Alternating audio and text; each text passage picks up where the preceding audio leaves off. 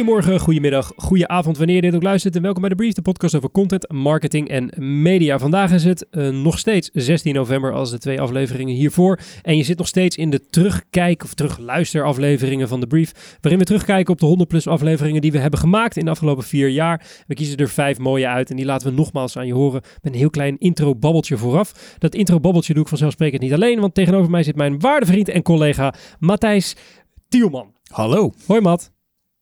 Hoe is het? Gaat goed? Ja, met mij gaat het goed. Nog steeds, hè? Ja, met jou ook? Ja, goed. Wat de mensen thuis natuurlijk niet weten, is dat wij al deze vijf afleveringen in één streep achter elkaar uh, uh, opnemen. Uh, wat ons vijf keer achter elkaar laat vragen, hoe is het met je? Ja. Dus of we zijn elkaar helemaal zat na vanavond, als we dat nog niet zijn na vijf jaar.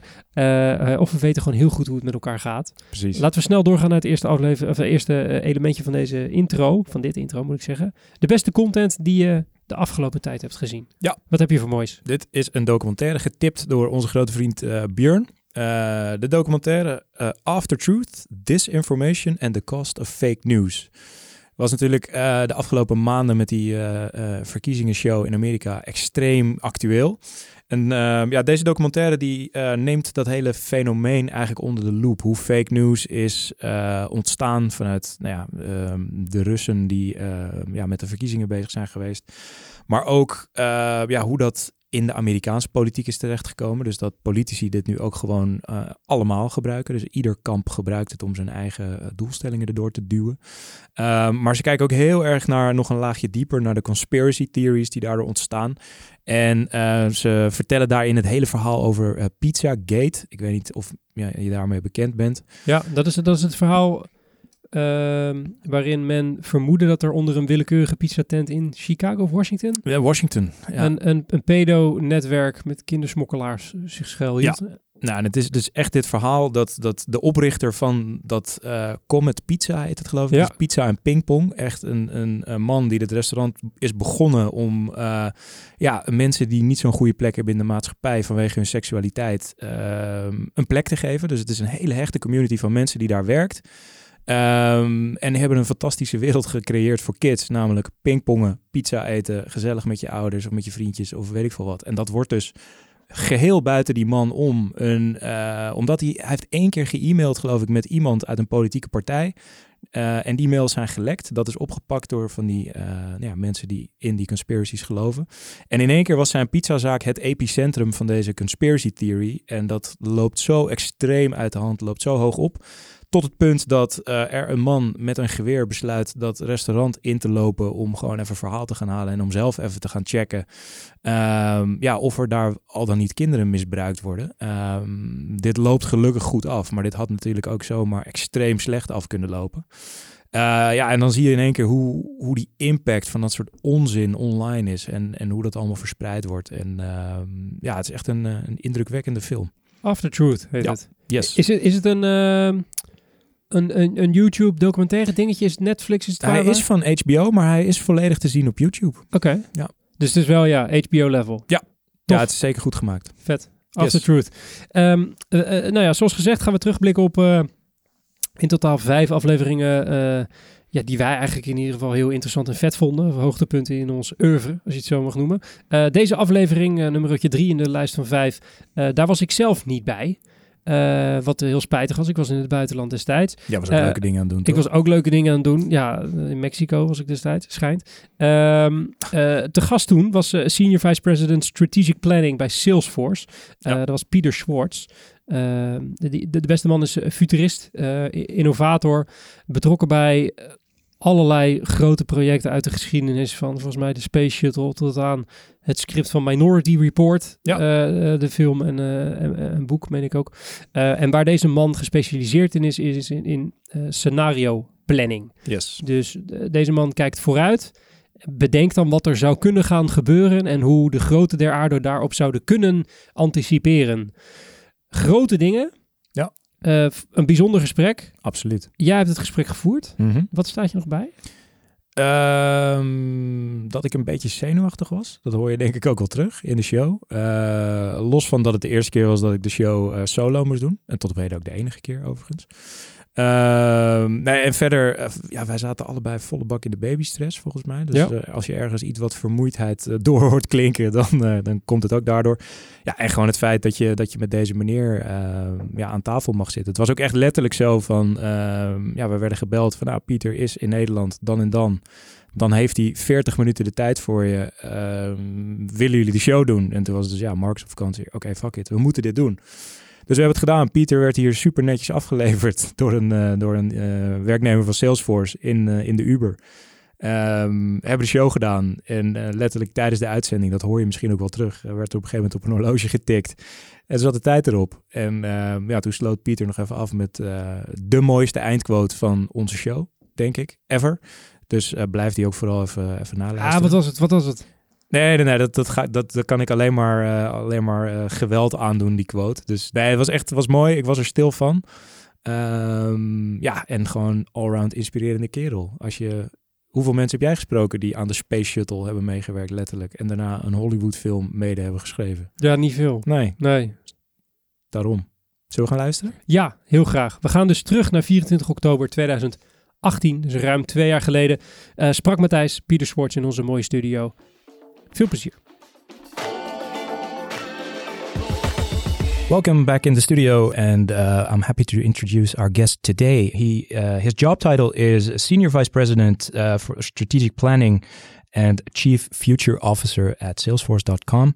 Um, is one of the world's leading futurists. Uh, actually worked for the White House. I've uh, I've read here and there, uh, but also uh, and maybe more importantly, he also consulted on uh, great movies like War Games, uh, Minority Report, and Deep Impact and was appointed to the Futurist Hall of Fame in 2012. Mr. Peter Schwartz, welcome. Glad to be here. How are you today?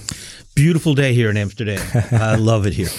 Yeah, you, you really have some luck with the weather. I do. Uh, so, um, can I say Peter? Of course. All right, Peter.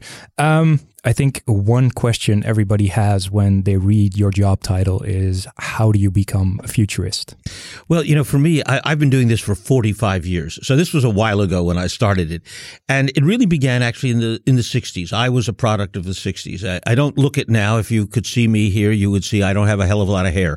Uh, but in those days, I did. I had hair, you know, typical of a hippie of those days, long hair, beard, etc. And I was very much involved in the student movements of the 60s, anti-war, anti-racism, all those kinds of things. Uh, and what I came to realize was that I was not really happy with the way the world was going. I wanted to create a better place. The Vietnam War. Vietnam War was really big, exactly. like well, I was pro-nuclear, but that's another subject. uh, having said that, but definitely anti-Vietnam War. But the thing I came to recognize was that while I knew what I didn't like, I didn't know what I did like. I didn't know what constituted a better future. I knew I didn't like poverty. I didn't like pollution. I didn't like violence. But what's the alternative? And I thought a lot about it, and I, stu- you know, I read politics and all the usual sorts of things that people do at that age. But I was still frustrated because I, I felt like none of them offered me a real vision and a guide to the future. So I said, well, maybe I should spend some time actually thinking about that. So I began to read and I went looking for people who actually thought about that question. Were there people who actually got paid to think about what's a better future? And I found out the answer was yes. The Eureka moment. Yeah, They was- it- it- yeah, they actually do exist. Um, and uh, I actually went to a meeting of what was called the World Future Society. Uh, they had a local chapter in San Francisco, and I went there. And uh, I met up with some guys who actually ran a small consulting company in Palo Alto, and I volunteered. And I said, I, but then I was actually running student housing at uh, the University of California Davis. And I said, look, on weekends, I'm happy to come to Palo Alto and just work and see if, you know, this is of interest to me and I can deliver anything of value to you. So I started doing that. Started coming down on weekends and working with them. Uh, and it turned out that I was actually pretty good at it. Uh, and they invited me to join the company full time as a research assistant. Well, it turned out that was not such a good idea because this company wasn't going to last very long. It turned out that actually uh, this was my first failed startup. Uh, that is that uh, one partner had his psychological issues, the other had his alcohol issues, and so on. And so, as it turned out, uh, this didn't last very long. But in the meanwhile, I had gotten to be close friends with a team at the Stanford Research Institute that was dedicated to the study of the future.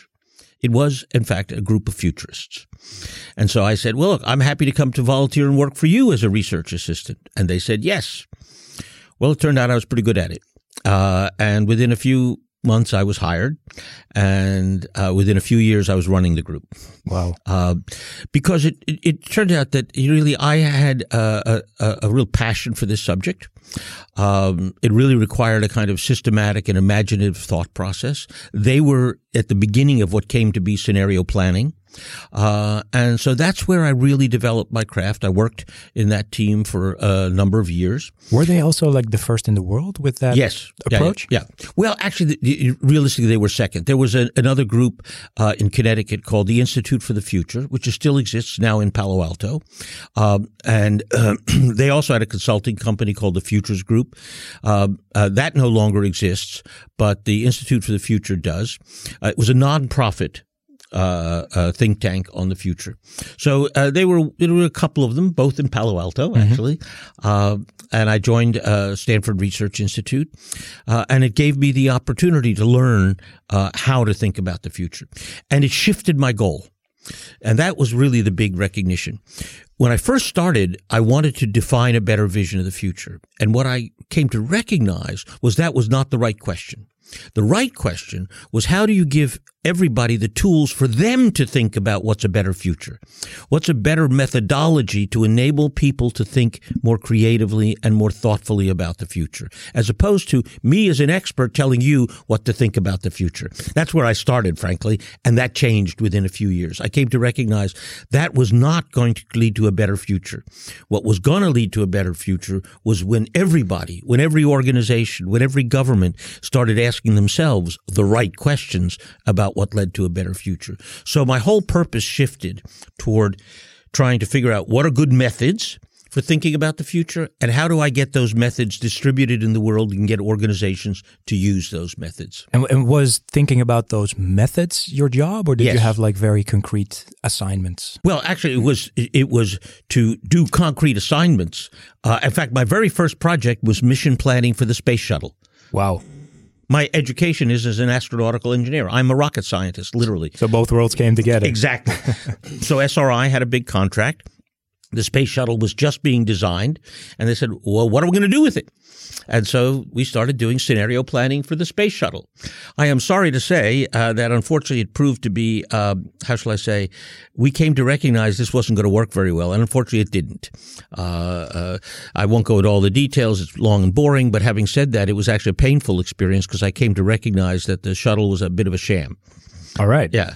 Uh, that that is, they were planning on a mission cost of about uh, twenty million dollars, and instead it was a billion dollars. And so, small uh, difference. Yeah, and they were planning on a launch every week, and instead it was a launch once every four months. Uh, and so the whole economics of the business didn't make sense. It took them uh, quite a few years to to sort of realize that. Well, and they never admitted it. Oh, okay. Unfortunately, it's it's one of the reasons ultimately the shuttle was not a great success. That having been said, that was my first opportunity to think in a systematic way about the future, uh, and then basically what happened was we took on projects. The first big one that I led was for the Environmental Protection Agency uh, to develop scenarios for the future of the environment and what the regulatory issues would be. Then I took on a big project for the White House on what were the big future problems the United States faced and so on. So we were mostly focused on the public sector, mostly on the U.S. government, on environment, on ed- on uh, education, on energy. Uh, did the first climate assessment in 1977. We did scenarios on the future of climate change. Doesn't it hurt looking at the world now? Oh, it's incredibly painful. Incredibly painful how how we have failed to to deal with climate change. But during the course of that, doing all of these projects on space shuttle, on the environment, uh, future of transportation, uh, future of climate change. In each case, we were trying to refine and improve the methodology that would enable us to do a better job of thinking about the future. Sounds good. And it worked. we, you know, and then came actually the big next step, which uh, I, uh, uh, back in 1976, uh, a gentleman from Shell came mm-hmm. to visit us at SRI, a man named Pierre Wack. And Pierre led the futures team at Shell. And he had actually heard about my boss, a guy named Willis Harman, who led the team at, at SRI. Uh, and he came to visit Willis. And uh, at the end of his meeting with Willis, uh, Willis had told him I had just done this project for the EPA, Environmental Protection Agency, and said, he ought to take a look at it. So he came across the hall to my office and uh, he said, Hey, tell me about your project for the EPA. And I got up and did a 20 minute kind of impromptu blackboard presentation on the scenarios for the future of the environment. He said, Thank you. Uh, b- by the way, this guy was highly mysterious. He looked like Yoda. yeah, I'm serious. I, yeah, it, it, totally looked like Yoda. Uh, we're going to put a picture of him in the yeah, show notes. Yeah, yeah, so absolutely Yoda. Uh, so Pierre uh, said thank you and left. Uh, two days later, I got a telex. And that tells you how long ago this was. Uh, from Pierre saying, "Would you come to London and join me for a couple of years?" Wow. And I thought, this is nuts. I'm not going to do that. It's crazy. I have a job here in California. I'm not going to do that. I said no. Well, he then hired me as a consultant over the next few years uh, to w- help him. Well, I, I realized later he was actually training me because he made a huge leap that changed everything. Until working with Pierre, our goal in trying to do scenario planning was to accurately describe different possible futures. And our assumption was that if we did that, it would lead to better decisions. That was a false assumption. Uh, just because people could see the future didn't mean they necessarily did the right thing. What Pierre realized was that the measure of success was not a successful prediction of the future, it was a successful decision about the future. So that the goal was not getting the future right, the goal was getting the decision right. And that meant that you had to study the mindset of the decision maker as much as you decided, uh, uh, studied the world outside. So it really bifurcated what we were doing. I then spent a lot of my time trying to understand how and why people made the decisions they did as a particular person. And then to devise the scenarios that would actually influence that person and those decisions. So it began with the decision maker as opposed to the outside world. And it was bringing these two together, the inner world of the decision maker and the outer world of the organization in the right way to lead to a better decision. So I considered, for example, when I was a consultant, getting the future right and having the customer make the wrong decision, that was a failure. That was my failure. That meant I didn't understand them well enough. I didn't engage them deeply enough for them to really understand it to make a better decision. It sounds like a gargantuan amount of information that you just have to process and sort of find the right route through it or yes that's right look when i hire people uh, the quality i look for is ruthless curiosity right they want to know stuff they're hungry to know stuff that's how i am you know i read a lot i talk to a lot of people i'm an information junkie you just read all the time about anything exactly and, uh, all right so uh, then you were at Shell. Um, judging by the timeline you just sketched, uh, that was also the time that Hollywood found your phone number. Or mm-hmm. can, can you elaborate on that a little bit? Sure. It was a, it was a painful dilemma that came out of that. Uh, in about 19, must have been 79, two guys from Hollywood, uh, one of whom had won the Academy Award for documentaries on called the California Reich about the uh, American Nazi Party in California. He won the Academy Award for documentaries, guy named Walter Parkes, and he had a, a, a writing partner named Larry Lasker. We're working on a script. And through a mutual friend, they came to me at SRI to get some input for the script. Uh, and the original title of the script was called The Genius. And it was about a boy and his relationship to a great scientist. Uh, well, as we talked more and more, that script gradually evolved into what became War Games. That's a completely different story. Sort of. Well, you may remember in it, there's a boy. Yep.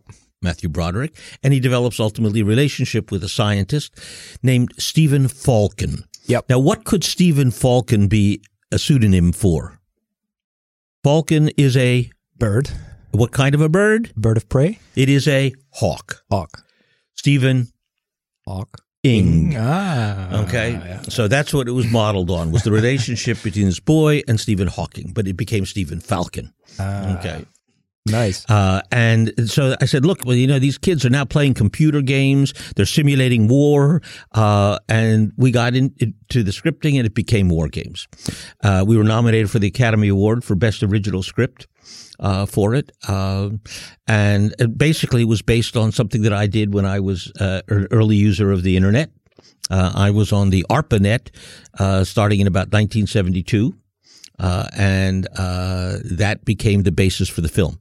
Is that also how your, your mind works? So you you've been working on ARPANET, so the, the, the predecessor to the the modern internet, and and your mind starts thinking automatically about like, okay, this is what we have today, but I see the opportunity, and and all of a sudden you have this story about a computer. uh, Exactly. That's precisely what. That, that's the way my head works even now. You know, I, I tend to see things and see where they're going. Uh, and that's what happened there. And then we hit an awful dilemma in Hollywood. You know, uh, uh, sometimes scripts take a while to get made, even if they love them. Uh, so this script bounced between a couple of different studios. It was at Paramount, and then it ended up at MGM. And finally, it was about to go into production. And then I had a terrible problem because it was just then that Shell offered me the job in London to succeed Pierre Wack, the head of scenario planning. He had clearly chosen me as his successor, which I hadn't anticipated. At the same moment, MGM offered me a job in Hollywood to work on war games. One of the best dilemmas in the world, Ah, I guess. well, it's a nice dilemma to have, but it was painful because I really did want to go uh, work on this film, but I came to realize that it was terribly important to succeed Pierre. I mean, Shell is a giant company; it has a lot of impact. But as Pierre said to me, uh, "Look, if you don't do this, this whole thing's going to die." And I recognized that he was a giant, that he really had come to a fundamental understanding of how you think about the future. And given my original purpose, I had to say yes. Uh, he was my teacher. What could I say? My mentor. I couldn't say no. Uh, and in hindsight, I don't regret it for a second. The honest truth is the business of Hollywood is not a very good business. Uh, you know, I ended up doing uh, three more movies with the same guy, but like the next one was eight years. The one after that was another almost 10 years. And the one after that was another five years. So uh, over 30 years, I ended up on four films, you know, so yeah, that's a lot of dead time in there. So, actually, and the, the, the business of Hollywood is actually pretty corrupt, to be honest. And the people aren't really very nice. Uh, the creative sorts are fabulous. I loved it. I loved working with Spielberg. I loved working with the writers, the actors, all those guys. That was great. Business side, not so much. So, uh, I don't regret it for a second. Uh, I stuck with my original purpose, uh, and I accepted the job at Shell. Nice. Um, so you're working at Shell, and at a certain moment, well, your theory keeps evolving and keeps getting better. At what moment did you decide to to start putting it down and, and sort of publish the book about it? Sure. Well, you know, you, you'll understand this very well as a kind of uh, advertising and marketing agency. Uh, in uh, I, when I went to Shell, I went originally on a two-year contract that turned into six years. It, it, it, we had some very early successes, and they asked me to stay on. Uh, and then we had some more successes, and they asked me to stay on even further. But the honest truth is, I'm not an oil guy. I like thinking about the future. And they said, look, you know, you, you, you're really good at this, but you can't keep doing this forever. You can do this for a few more years, but if you're going to stay in Shell, you got to learn to run something. You know, I reported to the chairman of the company, right? So they said, you know, you're not fit for anything but being an MD. So we'll give you something to run to see if you can learn how to run a company. We'll give you Denmark. That's true. they offered me Denmark. You know, I mean, uh, Shell was the biggest company in Denmark, and I happen to love the Danes. I could have single-handedly destroyed the Danish economy with my incompetence. It was really dreadful. So I, I, said, "This is not a favor to the Danes, right? I, I, you don't want me running. You know, this was the biggest company at the time in Denmark, right? It was oil production, refining, all that sort of stuff." And I said, "Nah." And the truth is, I didn't really want to do it. I liked what I was doing, so I decided to leave Shell. Uh, and started my own company, the Global Business Network, with a group of friends. Uh, there were four uh, other friends that came together in my living room, and we started the company. Well, the question became, what's the strategy for the company? How do we get the word out to potential customers? What's the way, best way to market our business? The best way to market an intellectual business is a book. Yep. Right. Still is, right? It still is, exactly. You know, and so I wrote the book, The Art of the Long View. Now, the honest truth there is, I have to be candid, the first draft really sucked. It was painful. You know, I, I got a bit of help writing it. I remember flying back to New York to meet up with my editor at Doubleday. And I was reading the book on the plane, the manuscript. I was so depressed by the time I arrived. This was a boring book. Nobody's going to want to read this book. Uh, fortunately, I had a great editor. And I arrived in New York. We holed up in an apartment uh, owned by one of my apart- partners. And we spent the next five days where she basically interviewed me and re- recorded it and we edited all that. And that was two thirds of the book. The reason the book is quite a readable book and it's, that still sells 20 to 50,000 copies a year and used in most business schools is because it's frankly, it sounds like me talking. It is basically a conversation. Um, and so it, it, took off and succeeded and became the main marketing vehicle for Global Business Network. Nice. Um, you did that for quite some time. Yes. Um, and then um, did you get a call from Salesforce or? Yes. What what actually happened is uh, Mark Benioff, our CEO, and I became personal friends. Uh, we actually met up at Davos. Uh, he was there as a young global leader, and a very dear friend of mine is a British rock singer named Peter Gabriel. And Peter uh, introduced me to Mark. They were doing something together, uh, actually a human rights film competition. And so Peter said uh, he I had helped him create an organization called Witness, and they were the co-sponsor of this event. And so Mark uh, Peter said, uh, "Why don't you come along and meet Mark Benioff?" Which I did. And then Mark and I hit it off as friends, and we were just friends for a number of years. And uh, then one night, he was at my home for dinner. One of the things I do in California is host dinners for uh, the then governor of California, Jerry Brown, uh, to meet business leaders because he doesn't know anything about business. He's always lived in the world of government. So uh, I invited him to have dinner with Mark. They had never met. And at the end of the dinner, Mark says to me, You know, look, we've got some big issues. You think you might give us a hand? And so I just started helping as a friend. And then one day, uh, I was actually in Moscow uh, uh, giving a talk, and about midnight, I get a call from Mark. Says, "Hey, listen, this this stuff's really getting out of hand. I really need your help. Would you consider joining the company?" And I looked over at my wife, who had fallen hopelessly in love with Mark, uh, and I said, "Mark wants me to join the company. What do you think?" And my wife goes, "Yeah, yeah, yeah, yeah, yeah." So I said to Mark, "Kathleen says yes, we're in." uh, so uh, I decided to join at that point, and I don't regret it. It's been an amazing ride. And and you were hired to to sort of uh, start ingraining your way of thinking into the company exactly and, and start exactly. preparing for yep. the future yep all right um, amazing story but i uh, we're we're um, on limited time today so what i want to go to now is is sort of the more practical things sure. our, our, listeners are all marketeers or work in media marketing um, can you take us through the process of uh, of, of futuring and strategic sure. planning so where do we start? My first question that pops in the mind actually is uh, who do we invite to the table? So I've booked you. Uh, who do I invite? Is well, that- well, for the first thing I'm going to do is I'm going to come talk to you if you've invited me. I'm going to come trying to understand how you think, why you make the decisions you do, uh, what kind of information actually influences you, uh, what your hopes are, what your fears are what your aspirations are, uh, what your worldview is, all of what your language you use to talk about the future. I, I, I don't mean Dutch versus English, but what kind of words do you use? Uh, are you inherently an optimist? Do you ask the right questions? Are, are you arrogant and think you know what you're talking about, and so on? So I really try to develop a kind of deep understanding of the mindset of uh, the person I'm trying to work with. In Shell, I spent 30 to 40% of my time understanding the mind of the management. Uh, so it's not a trivial thing. This is not just uh, kind of lightweight. That you have to actually really get inside the head of the decision maker. Like a corporate psychologist. Yes, or... exactly. In fact, when I was in Shell, I hired such a person to help me understand the psychology of the managing directors of Shell. I wasn't an oil guy. I wasn't British or Dutch. So I, I really wanted to make sure I deeply understood. So I did exactly what you implied. Uh, but that's that, that's where it begins. Understanding really how and why uh, people make the decisions they do. Then you start looking outside, right? So let, us say, I'll give you an example. We were doing product strategy for a big car company, right? So then you start looking at things like what's the demand for automobiles? Uh, what's the changing technology? How will regulation influence? What about international competition? Uh, will things like climate change influence it? we, in fact, we did a big project called around 2005 was there going to be a financial crisis that could affect things? Was China going to become a major player? So you start looking at all these driving forces. Is that something you do yes, in preparation? Yes, or, exactly. Right. That's what we do. That's part of what my consulting company did. We did kind of deep dives into the driving forces and try to understand two fundamental things. What are the big uncertainties? What, what's kind of the hinges of history? And what are those things that are inevitable? What are you confident that will happen? I mean, for example, in 1984, when I was still in Shell, we looked at the future of the Soviet Union, right? Because they were our big competition in natural gas. We were a big gas producer, so were they. And uh, we reached the conclusion that a major economic crisis was inevitable. It was going to happen in the next three or four years. The uncertainty was the politics of coming out of the crisis. Was it going to be a clamp down? We called that the new Stalinism. Mm-hmm. Or was it going to loosen up? And we called that the greening of Russia with the end of the Soviet Union right?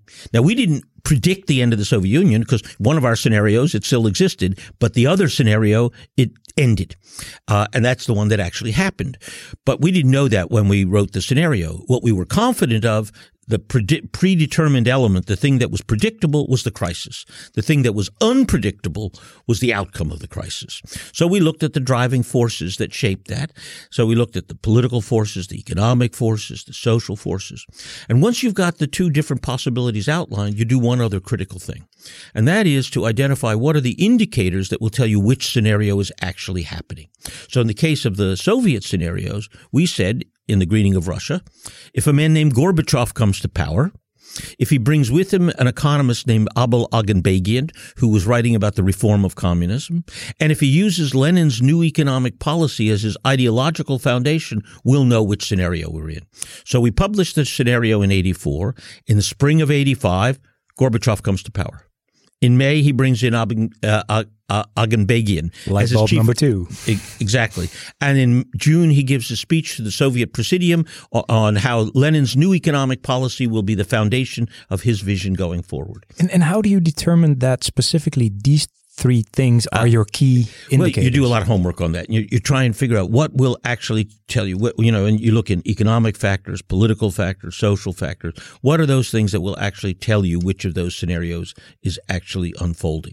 And if you do your well, work well, you'll know.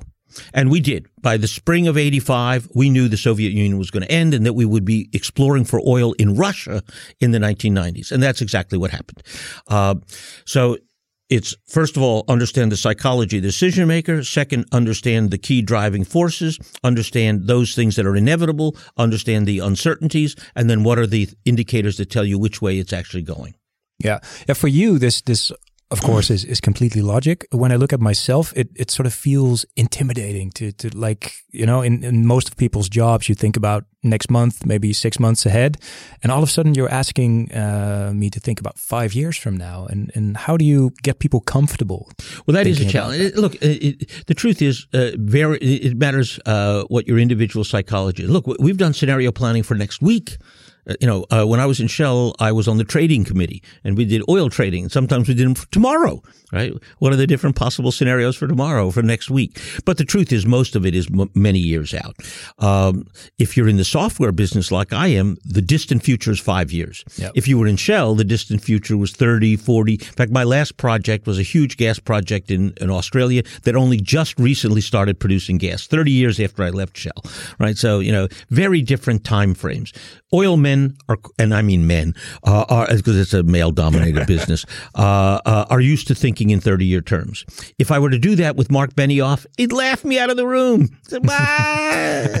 You know, uh, the distant future for Mark is three years, five years, right? We'll see after that. Exactly. But but is it always so that you start with uh, putting the fork, or, or how do you say it, the point on the horizon as far as you can, realistically, and then work your way, way back through the organization? Or do you- Yes, but it, but the, the, the, that point of the horizon is different depending upon the decision. If you're working on, say, automotive model design, which we did for a car company, you have to think about ten years, right? Because it takes you about five years to develop a new model, and then another five years for it to play out. So you you, you think ten years. If you're thinking some consumer products, you're thinking maybe three to five years. Uh, if you're thinking big energy systems, you're thinking decades. So the time frame and that point on the horizon varies depending upon the problem that you're actually focused on. All right. So um, you've done your homework, and and then we start. Um, and and um, is your advice always to to put this this uh, thinking and this work in a specific department, or is it something that basically everybody's responsible for, and you need to do like an offsite twice a year, or It really depends on the organization. Uh, yes, on all of those. It, you know, uh, in some cases, you're working directly for the CEO because they're the real strategist. Sometimes you're working for a unit or a division. Uh, I mean, for example, we worked. Uh, one of my biggest cu- customers in the 1990s was Texaco. We worked for their natural gas group for several years, and it turned out they were so successful that the corporation said, "Hey, what are you guys doing in natural gas that seems to be working so well?" And they said, "Well, we're doing scenario planning." So, oh, maybe we should do this at the corporate level too. And so they actually the whole team moved up to the corporate level, and we started doing scenario planning for the total corporation. So sometimes it starts in a division. Sometimes it might be around a single product. Somebody says, "Hey, I'm introducing a new product. Let's take a look at that particular product." Sometimes it's geography. We're moving into a new area. I'm going into China for the first time.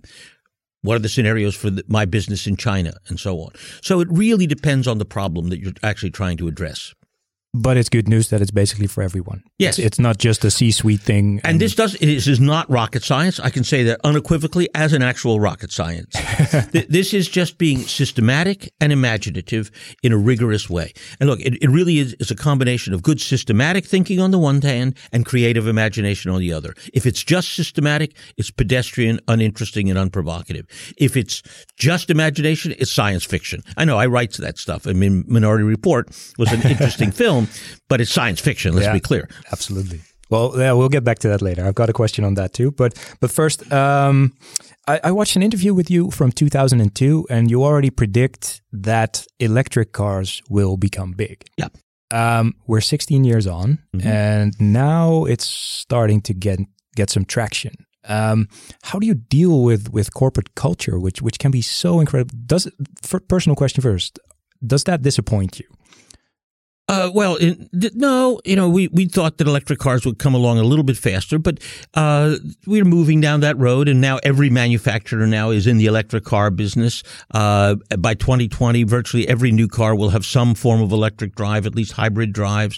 So, you know, uh, I think uh, I would like to have it move faster, mainly because I'm concerned about climate change, but the direction of the move toward electric vehicles has continued, I think, rather well. Yeah, and and is that something you also deal with? Is changing the corporate culture uh, of of companies? Because for a lot of companies, I can imagine that this is such a shift in in the way you work. Um, and and Not really. To be honest, I wish we could. I, I'm fairly skeptical about culture change in corporations. I think cul- cultures are deeply ingrained, you know, and reinventing culture is a really, really hard problem.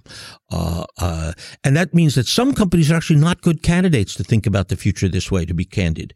You know, uh, uh, uh, look, uh, if you have a highly entrepreneurial CEO who really founded the company, in particularly in the early days, they don't want other people challenging their thinking. They don't want to be going in multiple directions. Look, and, and whatever one may think about Elon Musk, I think Tesla's an amazing company.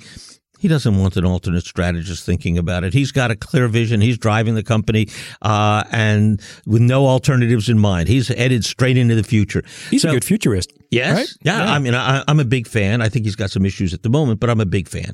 Having said that, the, the, the point is that they are not ripe for this kind of thinking. Ford Motor, yes. Honda, yes. BMW, yes. Not so much Tesla. All right. Um, so much questions, so much information. So um, uh, I just wanted to, yeah, just for a practical example. So you started at Salesforce. Uh, you decided to join the company. Mhm. Um, what can we see today? Like, that, like, were you involved in product development or something? So I'll give you an example, right? So, uh, and it's it's our basically our long term product vision, which I, I've led the team developing over the last year.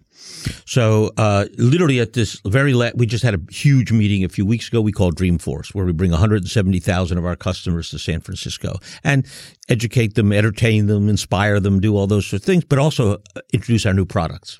So this year, the big announcement was uh, Einstein Assistant with Voice. Basically, Einstein is our AI product that helps sales and service market people predict outcomes of their activities. You know, what's going to happen with their sales, what's going to happen with uh, service events, and so on.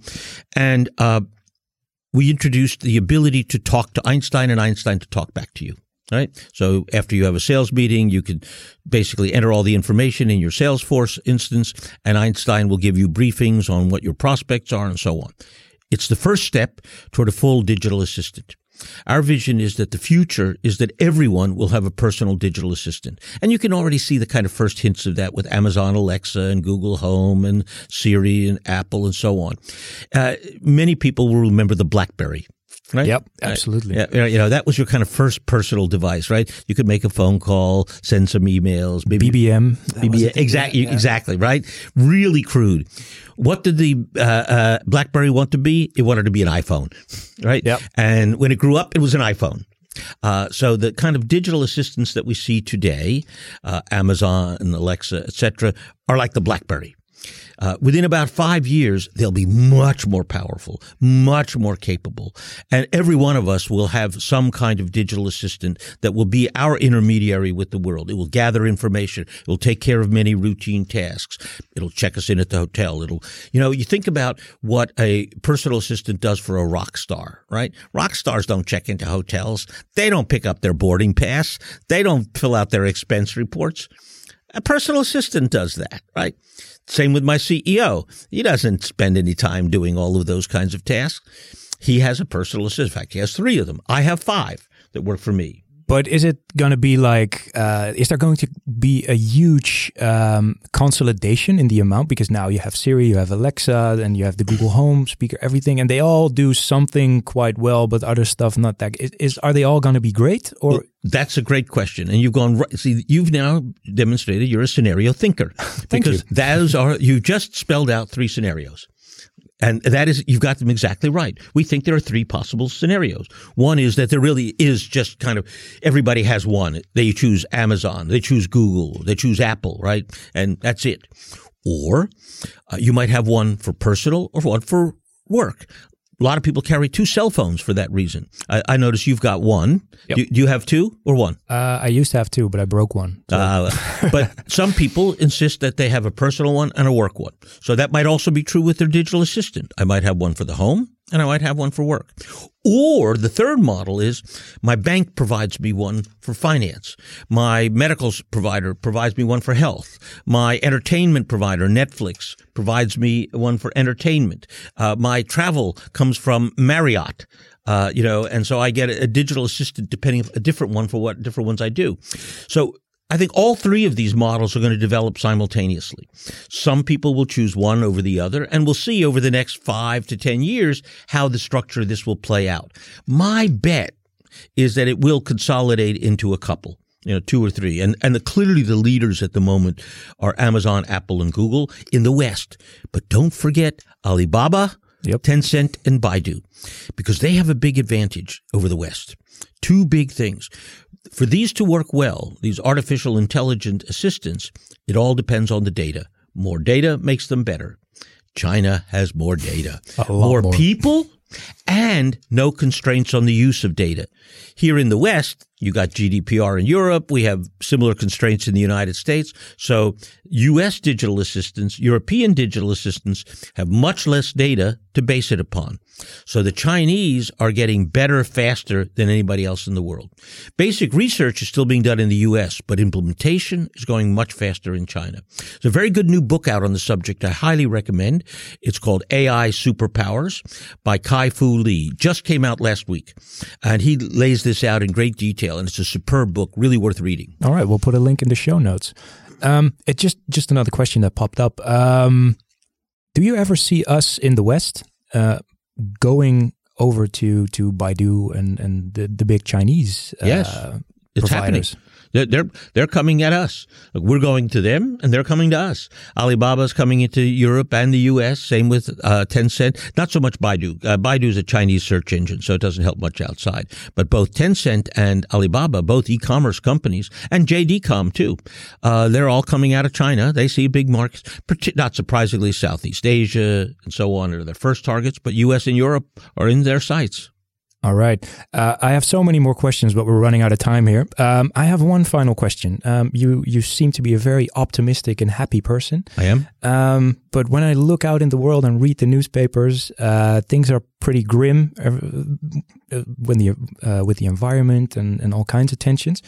How do you stay positive when when you think about the future? Well, look, uh, I, I, agree. There's a lot of big issues, and I'm not happy with things in my own country at the moment. I'm from the United States for obvious reasons. Uh, look, the world goes up and down in terms of uh, times of change. There have been tough times in the past. Uh, I was born in a refugee camp in Germany in 1946. My mother survived Auschwitz. My father was a slave laborer. I started about as low as a human being can get, and look where I am today. Okay. I sit near the top of one of the world's greatest companies. I have done rather well in every possible way. The world has afforded me remarkable opportunities. If I wasn't optimistic, I'd be bloody stupid. Uh, you know, uh, and so the answer is despite the challenges that we face, despite the big issues like climate change and so on. I'm remarkably uh, uh, optimistic about the human capacity for adaptation, for creativity, for actually, despite the worst, being able to rise above it.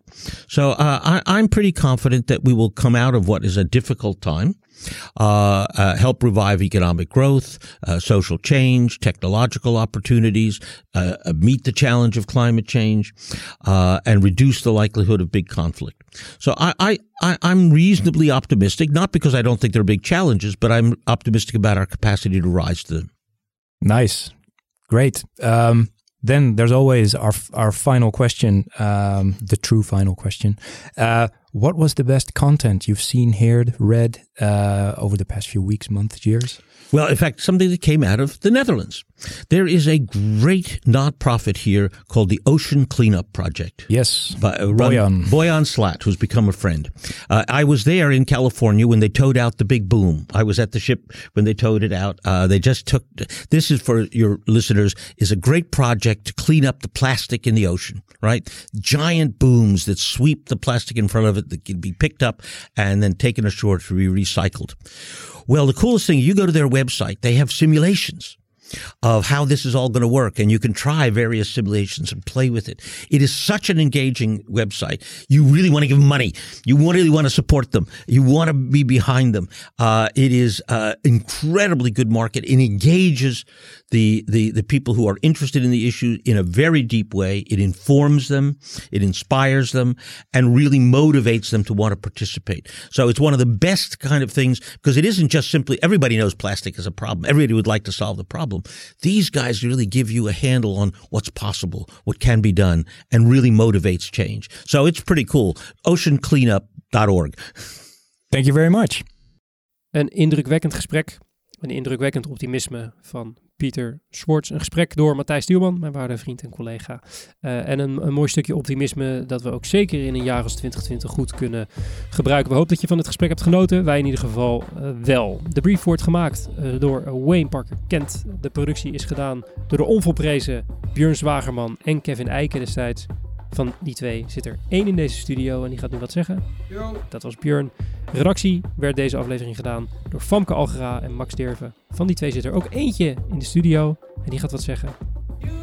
Dat was deze aflevering. Dat waren de vijf terugkijkafleveringen op meer dan 100 afleveringen de brief. Mijn naam is Mark Schoones. Hartelijk dank voor het luisteren en tot de volgende keer.